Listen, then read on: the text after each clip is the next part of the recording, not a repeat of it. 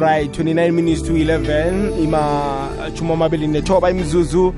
Phambi kobana kumbani isimbi yechumi nanye ku-90.6 kuya 107.7 fm hlelo sizigedle singene ehlelweni lethu la sithi khona yazi ngekolo yakho. Khumbula-ke mlaleli bona la mahlelo la uyakhona ukuwathola eh, kukwekwezi fm website ethi www ikwekwezi fm co za uye kuma-podcast ufike uzidownloadele ihlelo lakhe elindlulileko. Ulalele. Kamnani ngesikhathi sakho kube kuhle kube njayaya awuzweke kuza kuba kuhle nokho nange ungenza njalo. Namhlanje ke eh mlaleli gokwezi FM sinomfundisi uSD Mahlangu nomfundisi uMP Mabhena abazosilethela indaba zokubuyekezwa kweBhayibheli nokuchugululelwa kwalo elimini lesi-Indebele khumbula-ke bona eh, ngokubuyekezwa kwebhayibheli ngemva kweminyaka elithumi ibhayibheli elipheleleko lesindebele lahlonywa kwakungu-2012 sizokunikela ithuba-ke nawe mlaleli kokwez FM ungene usitshele bona ulizwa njani ibhayibheleli? Isindebele sakhona usizwa njani? Liyakusebenzela na? Amazizo nje wakho sizowafuna? Hmm? khambeni kwesikhathi hlala nomhatsho hlala nomhatsho ikwekwez FM ngiyabona ngathi eh, kunomfundisi ongilahlekeleko la ngifuna khe ngiyomqala eh, ngibuye naye.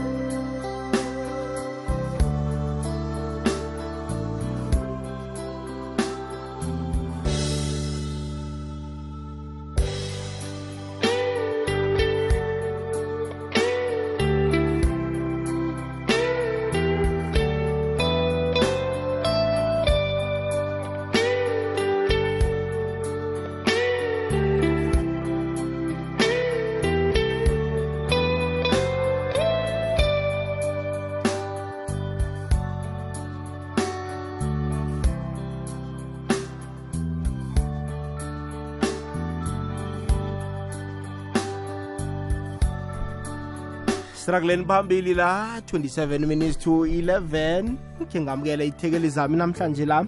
Thome ngamukele ubaba umfundisi umabhena eh mbuduma sigwegwe sakobengweni. Mfundisi ami umabhena nivukile? Sivukile bamthombeni ngiyathokoza kuba khona emoyeni. Eh kulithando elikhulu kwamambala siyathokoza. Siyathokoza. Bathisa abalaleli abalaleli ngaleso sikhathi. Awuzweke. Eh mfundisi umahlangu siyakwamukela kukwekwezi FM mlungwa. Okay. Mm, okay. Sizamlalamela ekuhambeni kwesikhathi. Eh mfundisi umabhena la i- indaba kulu la ngo-2012 kwajugululwa ibhayibheli lajugululelwa elimini lesindebele. Nje nihloswe bona eh libuyekezwe ngokwekhabo lakhona. Ungasinabanabela njengesihloko sethu sanamhlanje? Eh sithokoza ukhulu eh eh baba umthombeni. Kunjalo. Unyaka lo kwakho siyadidinga amandebele sithabile siyajekezela. Sithabe khulu ngoba ibhayibheli leli esiliphetheko linechumi leminyaka laphuma ngo-2012 sizakhumbula ukuthi lelama leliya eh itestamente elitsha namahalana ekhethiweko elaphuma ngo-1986 manje-ke njengoba selileminyaka elithumi yonke lifundwa siyagidinga-ke lo nyaka lo siyaliphakamisa. Sithi-ke nathi amandebele uzimu usibusisile. Safikelela la sikwazi khona ukuthi sijugulule ibhayibheli bazakhumbula-ke abantu bekhethu ukuthi ngemva kobana kuphume ibhayibheli um lela laka-1986 kwaba leminyaka eminingi khulu eh edlulako lapha bekufanele angabethana kwaragela phambili kwajugululwa i-old testament itestament elidala ukuze-ke sibe nebhayibheli elipheleleko kodwana azange kukhoneke zange ngathi mhlambe isichema leso sasishugulula azange sikhona ukuragela phambili ngebanga mhlambe lemirarwana eyaba khona lapha nalapha. Kungalokho sajama kwajanywa lapho-ke saba ne-testamenta elisha namaherana akhethiweko laka-1986 kodwana-ke ngomusa wakazimu eh kwafikela lesikhathi-ke sokubana-ke ibhayibhile lesiliphetheko njenganje. Lithonywe laphaya ngonyaka ka-1999 kungakho-ke ngithi-ke unyaka lo kungunyaka omkhulu kithi amandebele lapha sijekezela khona sithabe khona sithi sesineminyaka elithumi siphethe ibhayibheli lethu esilifundako elikhuluma isikhethu. Iyazwakala mfundisi umabhena la. Mfundisi umahlangu ngiba wamukela umlaleli gokwezi FM angilotshise thombeni ngilotshise nomlaleli wekokwezi FM siyathokoza. Siyathokoza. Eh nasimnyaka ikhambile 2012 niwenzile umsebenzi nayijugulula ibhayibheli mfundisi. Bekube namhlanje nifuna ukuyibuyele nifuna ukuyibuyekeza. Ungathini nje kilokho? Into eqakathekulu ntombeni okwenzekako nokobana inkosi le nomusa lethi sifunyane ukuthi ibhayibheli ithonywe ngo emva kokobana bekunetestament elitsha kuthonywe elidala. Sithokoze zimkhulu nasibona asiphumelelisa. Kuyinto eqakathekileko-ke namhlanje.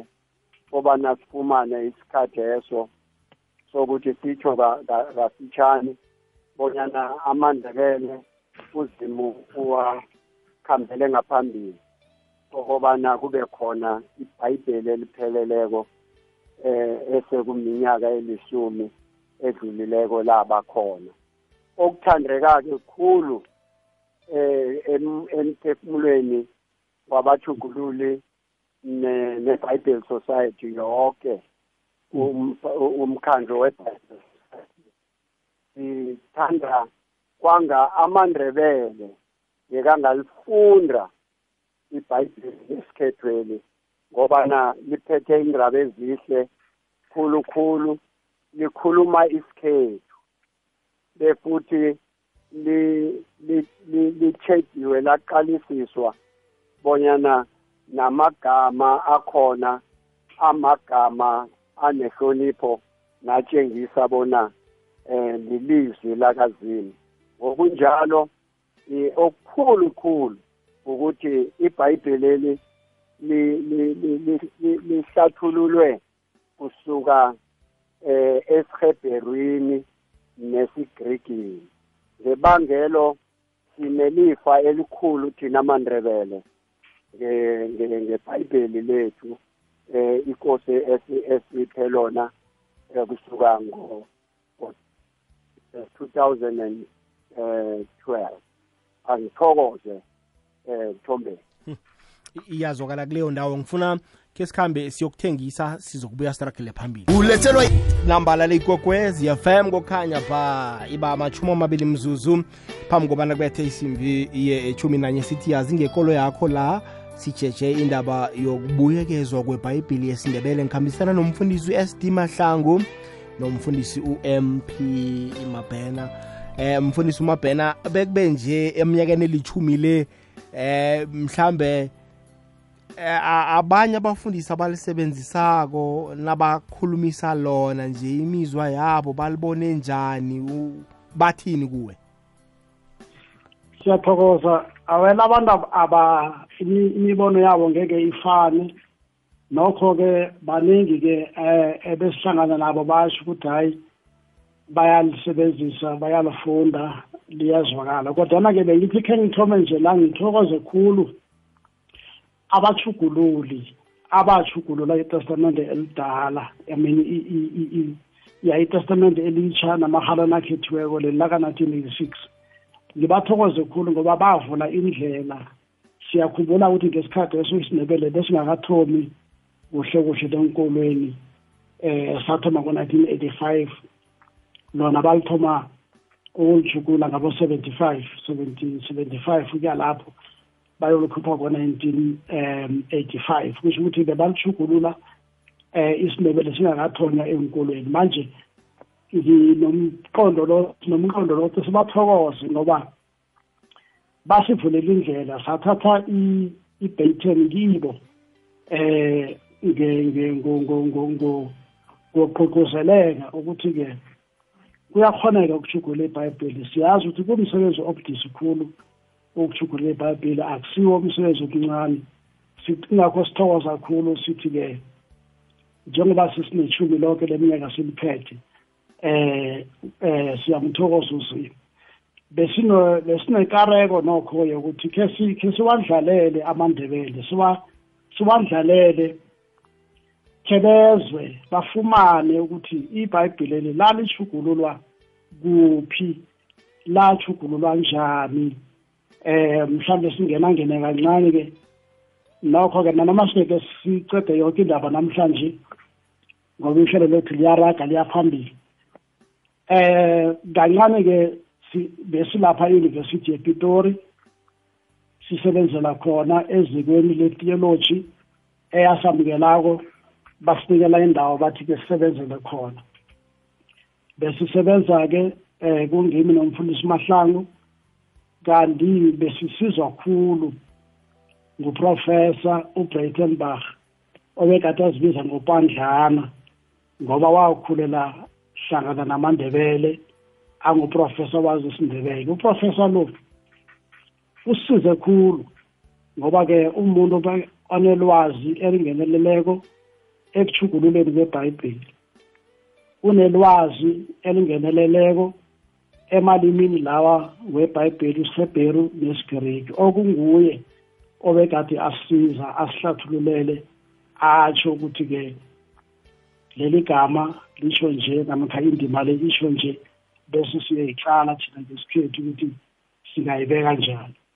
Kube msebenzi-ke omkhulu eh owenziwako lapha e-University yePitori. Ngingabeka nje ngithi-ke eh kuyasithokozisa ukuthi namhlanje kwamambala kuyasithokozisa namhlanje seliphumile ebhayibhelini seliminyaka elithumi iphumile liphumile liyafundwa. Nokho-ke besingathanda njengoba bowubuzile babumthombeni ukuthi bathini abafundisi besingathanda nokho mhlambe nabekade kukhoneka khe sibezwe nabo bazibekela mhlambe ngawabo amagama khe basithumelele basho ukuthi bona balizwa njani ibhayibheli leli. Kuyazwakala uyatsho umfundisi umabhena bona beyangathanda bona athole amazizo kubasebenzisi balo ibhayibheli lesi indebele. Angikunikela ithuba ke nomlaleli kokwez FM ku-079 413 2172 whatsapp voice note yethu 079 413 2172 ugadangise iphimbo lakho sitshele nje amazizo onawo. Ngali bhayibheli naku-086 nabo 0 abayi-3 3278 086 000 3278 mfundisi umahlangu uyayiphatha la umfundisi umabhena bona nanisetekisi nanisizwa nguprofesa othize. Kwabanjani nje eh nanisa nanisa phezu kokuchugululwa kwebhayibheli elingaphambi kobana liphume ya akhe ngitsho ngezelele kulokhuya ubaba umabheni udoktor akuphileko kobana besizwa nguprofessor Breitenbach. Uh uprofessor Breitenbach akasiza khulu endabeni yoku yokobana sifunyane eh eh bona ilimi eBhayibheli elatlolwa ngalo khulukhulu iTestament elidala latlolwa ngesiHebheru iTestament latlolwa ngesiGreki. Uprofessor kade asisiza kulokho. Besihlola ke sithi nasihlolileko uprofessor xa simcheje bona iyakhambisana nesiHebheru iyakhambisana nesiGreki na. Na emva kwalapho abe khona ababizwa bona babuyekezi nabo eh siyathanda ukubathokoza kakhulu abasiza ukuthi emva kokubana sesishugululile sobathathu eh sise university le bekade siyithatha siyilethe na na kulabo ebesibabiza bona babuyekezi bona ke beyifundwa ibhayibheli ifundwe. Bese bayatsho ke bonyana ngasuthi igameli ngesindrebele alikahlali kuhle eh batsho la baphawula khona bonyana kungasizakala njani. Kube into e, e, e, ekulu khulu leyo basivile khulu abantu bekosi amandebele kosi. Ekosi ngendaba efana nale. Kwabonakala bonyana ukwenza kwabo noku eh siza kwabo kusilethela umphumela omkhulu. Into esibona ngayo bonyana mbala bebalisizo ahlaliswa kuhle amagama ngendlela efanele. Khe ngikufundele mthombeni izaga isahluko eh sesine indrimana ngeyesithathu. Ithi lokha ngisesemsana kababa ngisesemanzi ngiyithorwana kamma ubaba wangifundisa wathi kimi ihliziyo yakho ayibambisise amezwami nawulonda imiyalo wami uzakuphila. Nangilandelela amazwi la amazwi abekeke ngesikhethu. Mamazwi asitshengisako bonyana ahloliwe eh ayezwakala. Mamazwi akhuluma encwadini yezaga nawo azizaga ngokwawo. Lokho kuyatshengisa bonyana kwakusetshenzwa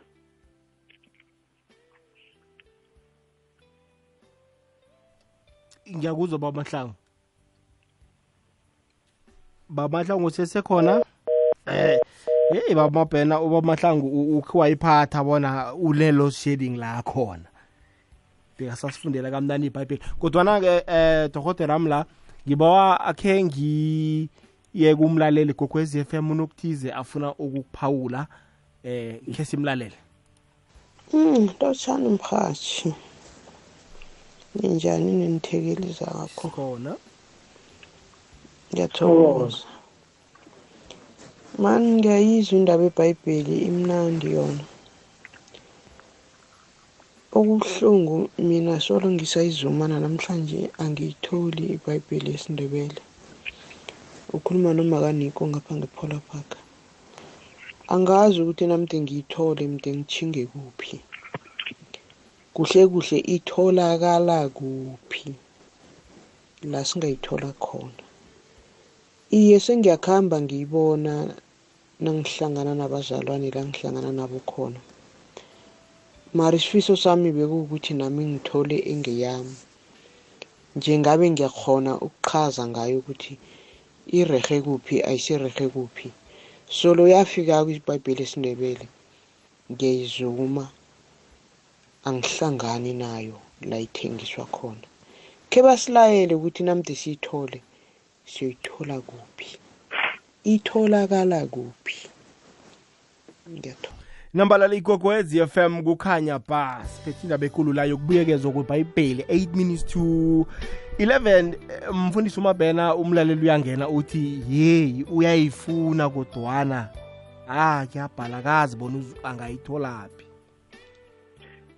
eh simthokoze kakhulu umlaleli. Eh ngi- ngiyezwa ukuthi unesililo sokuthi itholakala kuphi. Em kunas kunentolo eziningi ezi ezi lapha eBhayibheli itholakala khona. Kodwa namhlanje ngaso sengithi esinye sazo nawuya laphanyana eVahandrift kunesitolo naw eh eh eh eseduze ne-okay kunesitolo esilapho kuthi ngathi i-okay bese kunesitolo lapho nongena ngaphakathi babuze ukuthi ufuna ibhayibheli lesindebele ba ba- ba- bayawaphatha. Kanti-ke ubaba omthweni laphaya kwamhlanga ubaba omthweni owaziwa kakhulu ngokuthi ngusinechudu uyawaphatha nawe naye amabhayibheli wesindebele okhunye-ke nokho engingakusho ukuthi pheza zonke iy'ntolo ezi- ezithengisa ukudla ezinkulu engeke mhlawumbe ngizibale njalo ngamagama na nalezi iy'ncwadi ezifana nabo C N A abo what singathengisi mhlawumbe ngizibale ngamagama. Kodwana-ke engingakusho ukuthi abantu bekhethu kufanele si- sililwele nalo ibhayibheli ngoba na ungena ngaphakathi entolo lezo uyawathola amabhayibheli wamanye amalimi. Manje kufanele sibabuze ukuthi niwathengaphi amabhayibheli lakho batsho bese siyasho sithi sibawa nisi-ordere newesindebele bazawaletha bazawa-order siwathole ngobuduze entolo lapha thenga khona. Kodwana-ke nokho-ke abakhambela mhlawumbe ke-vahan drift kunesitolo leso engisaziko siyawaphatha amabhayibheli lawa wesindebele. Eh bese ngithi ngobuduze eh aba abangehlangothini langekhethu nakwandebele. I- iyazwakala kileyo ndawo. Mfundisi umahlangu ubuyile? Ngibuyile angisazi nokubana ngiqundekela ngikuphi. Uqundeke na usazama ukuzifundela izaga? Wo. Mm. iye. Bengithi ngiveze kancancane bonyana eh amandrebele khethu laba basizako eh ba- ba- babenza bonyana umsebenzi ukhambe kuhle ngehlelo e- e- ebekade sinalo nabo.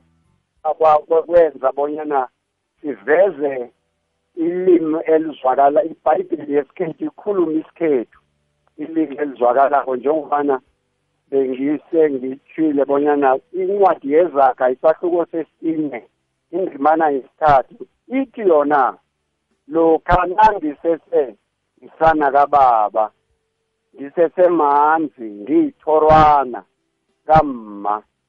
Ubaba wangifundisa wathi kimi ihliziyo yakho ayibambisise amezwi wami nawulonda imiyalo wami uza kuphila kanti silawo athengisa ahlezi kuhle encwadini yezaga nawo pheze azizaga lo msebenzi owawuvezwa ngokukhulumisana nekomiti yokubuyekezwa ngebangelo amandrebele incwadi eyibhayibheli ibo ikhuluma kuhle isikhethu.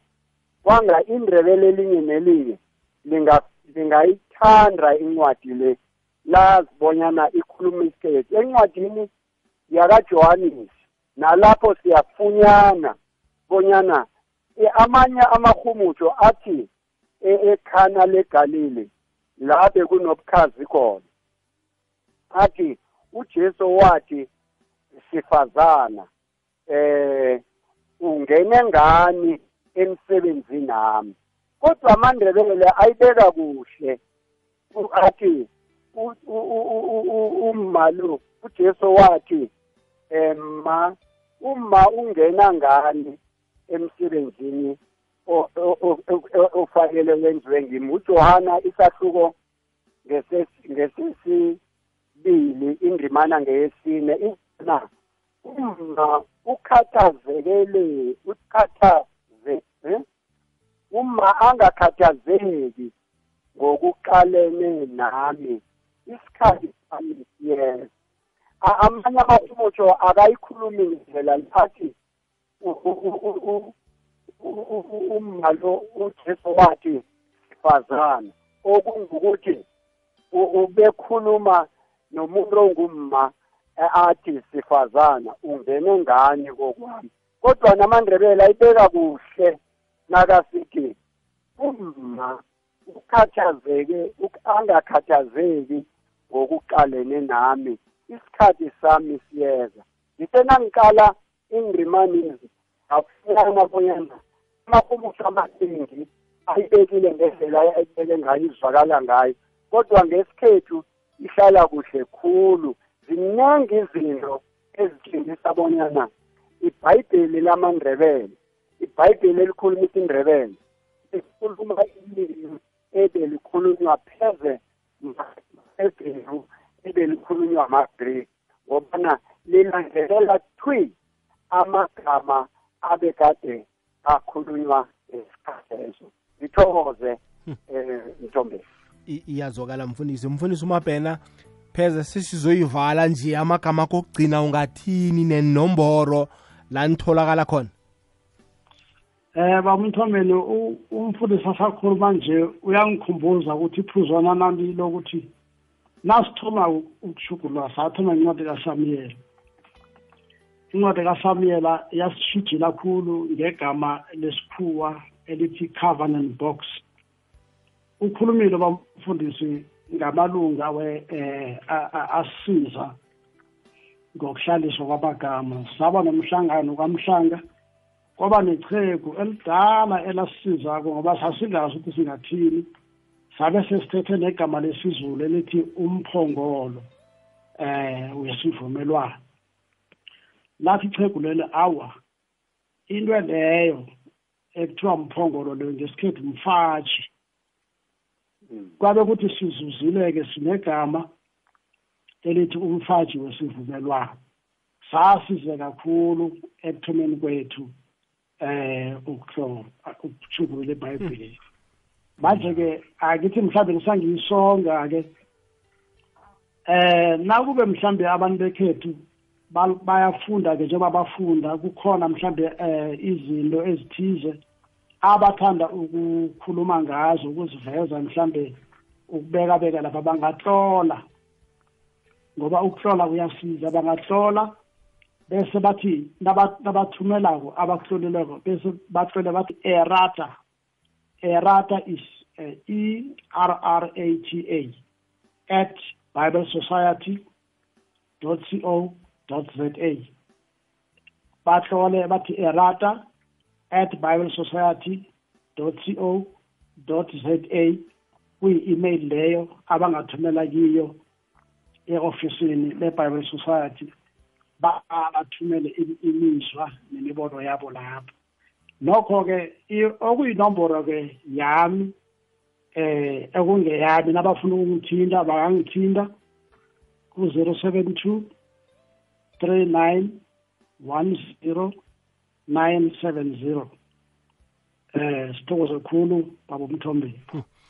Kuyazwakala lonke siyathokoza kuyazwakala kuleyo ndawo mfundisi umabhena mfundisi umahlangu amagama akho okugcina na utsho inomboro zakho? Amagama okugcina ngila um mthombeni athi amandrebele akakhuthalele ukufunda ilimi lawo. Njengobana seyithwile imbuduma ubaba mabhena nakathi um amavili amaningi manye ayayiphatha ibhayibheli yesindebele. Nakubana ayikho khona ababawe bonyana nayo bayifunyane nendawo aselazithwile azithwileko.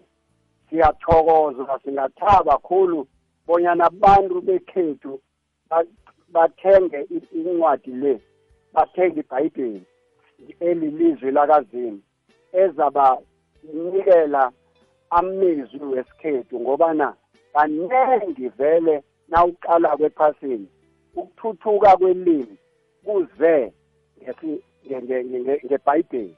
Kanengi ibhayibheli liphethe amezwi akhako akhalimako amezwi abuyisako namezwi asitshela bona sibobani uzimu ungubani. Ngebangelo ngathi amandrebele angafunda ilimi lesindrebele emingcwabeni enkonzweni emithandazweni kufundwe ilimi lesikhethu. Omunye nomunye akhulume isikhethu nahlangana nabantu ukuze sithuthukise isikhethu kanti futhi sikholwe ngendlela isikhethu esikhuluma ngayo. Inomboro wami zero eight. Two seven two five four six four. Siyathokoza Ngapha- ngaphambi kobana nibeke phasi? Kunomlaleli odosako la. Ngifuna ke ngimuzwe gwegwezi lotshani. Kunjani baba? Ngiyathokoza. Kunjani kuwe? Siyavuka baba. Ngiphethe abafundisi bami la ungathini ngebhayibheli esindebele ya nje ngiphethe lapha. Mina ke ingiphethe kamnandi. Mm ya hayi ngiphethe kamnandi manje yazi engathithi njenga njengobana wabo bakhuluma nje ukuthi nenkonzweni abefundi akhe bayiphathe yona ibhayibheli esindebele le mm usangilalela kamnandi khulu baba ya manje ayi am- am- hayi ngibe nomraro ukuthi no nasisenkonzweni abanye abayafuna u- ukhuluma kuhle ukuthi no sizofunda incwadi enje nje nje kodwa ke naselashumela ulisilini esindebelela afa am- am- afake elinye ilimi mayino leyo ngi- mani ngi- ngirapela kakhulu nge- ukuthi ukuthi thana bayezwa ukuthi ukuthi no ibhayibheli esindebele imnani ngombana ikhuluma into oyiz- oyiz- oyizwako Iye. oyikhuluma ekhaya vele ngithandela lokho mina vele vele en- en- elinye ibhayibheli angaliberegisi. Ngiberekisa lesindebele awuzweke. Sikhuluma nobani kuphi? Ukhu- ukhuluma no- nobabutho banye nethokozo baba usibanyoni ethokoza sithokozile baba. Uyirage njalo ngebhayibheli esindebele awutwaka. Awuzweke baba. Igogwezi lotshani njani na sikhona kunjani? Ngikhufana etholbota iye. Um nami nginalo. Ngase ngalithola ethabathabeni zetolo ngabotsakani springs mm ya lona liyafundeka izeke thina-ke safundisisa and-ke kunalavane ngifuna hayi mina engilihlalise so lithi usomnini ne? Mm usomnini shuthi ujamele ujehova nge- ngelinye ilimi. And then uzimu likhona la likhuluma khona ngozimu mara landise ukukhuluma ngosomnini. Angaze ngikhuluma na kusho ukuthi nakuthiwa u- ujehova lokuthiwa ngusomnini lona liyafundeka alamathatha and eh, ngisebenzisa lona vele Mm. eh, ekerekeni yabona? Anginamathatha nalo. Ngami ngigqugquzela abaningi ukuthi bangabanalo bathenge baqhubeke nalo. Yabona. siyathokoza baba. Siyathokoza. Awuzweke. Gogwezi gogwezi lotsha? Eh lotsha lotsha mkhathi ninjani? Khona njani sikhona. Khona ngiyazi izindaba namhlanje izindaba zebhayibheli lesindebele. Mm hayi ibhayibheli ibhayibheli lesindebele lirahe khulu nedi idinga ukuthi eh al- alikho kuma yabona kuma-apps. Mm. Ya alikho app ingathi eh bangenza imizamo ukuthi balifake nabo nakuma-apps libe libe khona sikhona ukuthi silithole ngobulula nakhona lingabi i-hard copy kuphela. Oh. Ya ngiyathokoza mhathi siyathokoza hayi mfundisi sami sesiyivala nje umlaleli ukhulume ngokuthi ebhayibhelini kusetshenziswa igama elithi usomnini mfundisi mabhen ya eh kunjalo eh usomnini uthe ubaba nakhulumako wathi lijamele uJehova na? Iye eh igamele lijamele uJehova. Eh sizakhuluma nokho kabanzana singenekile ngoba lifuna mhlambe ke ke silihlathulule kuhle balizwe kuhle. Abantu bekhethu ukuthi kweza njani sa wafikelelwa ke kuleso siqundo sokuthi kuthiwe usomnini. Ngiyazi ukuthi mhlawumbe abaningi bebangakajayeli igama lakasomnini. Eh kodwana ke ngiyathemba ukuthi ke ngokuzako sizokuhlangana sikhulume singene kabanzana ukuthi ke kulakhaba nje iyazi abomthombeni omunye umlaleli uthe eh kwangathi ibhayibheli lingangena la kuma-app likhona kuhle kuhle ibhayibheli lesikhethu. Uyakwazi ukugugula ungene laphayana uthi 2012 xa ungena nje ungasugugula noma nga- ngayiphi indlela uthi 2012 or isindebele 2012 lizokuhlahla likutshele ukuthi-ke nanti likhona and then ungali downloada noma ungalidownloada njani bese uyalifaka. Kumaliledinini wakho namkha kukhompyutha yakho noma kuphi osebenzisa khona likhona eh liyatholakala. Ya ngikhuluma nawe nje ngiliqalile ngiyalidownloada the bible in isindebele. Iye likhona ya isindebele ya likhona ubaba uqinisile. Hayi ngiyalidownloada namba kunangenye indlela. Download abamthombeni awuzweke. Bamahlangu hayi sithokozile nakuwe man. Sithokozile nobamabhena godu ngokuzake evekeni enyangeni ezako evekeni yesithathu ngulosine sizokuhamba nayo. Thokoze. Siyathokoza kuleyo ndawo awuzweke. Umfundisi umabhena la nomfundisi umahlangu sitshetshe indaba ekulu indaba yokubuyekezwa kwebhayibheli. Ayilidownload-eke emlaleli kokwezi f m kuzwakele. Nami ngikhuluma nje ngiyalidownloada khona ukulifuna kube mnandi.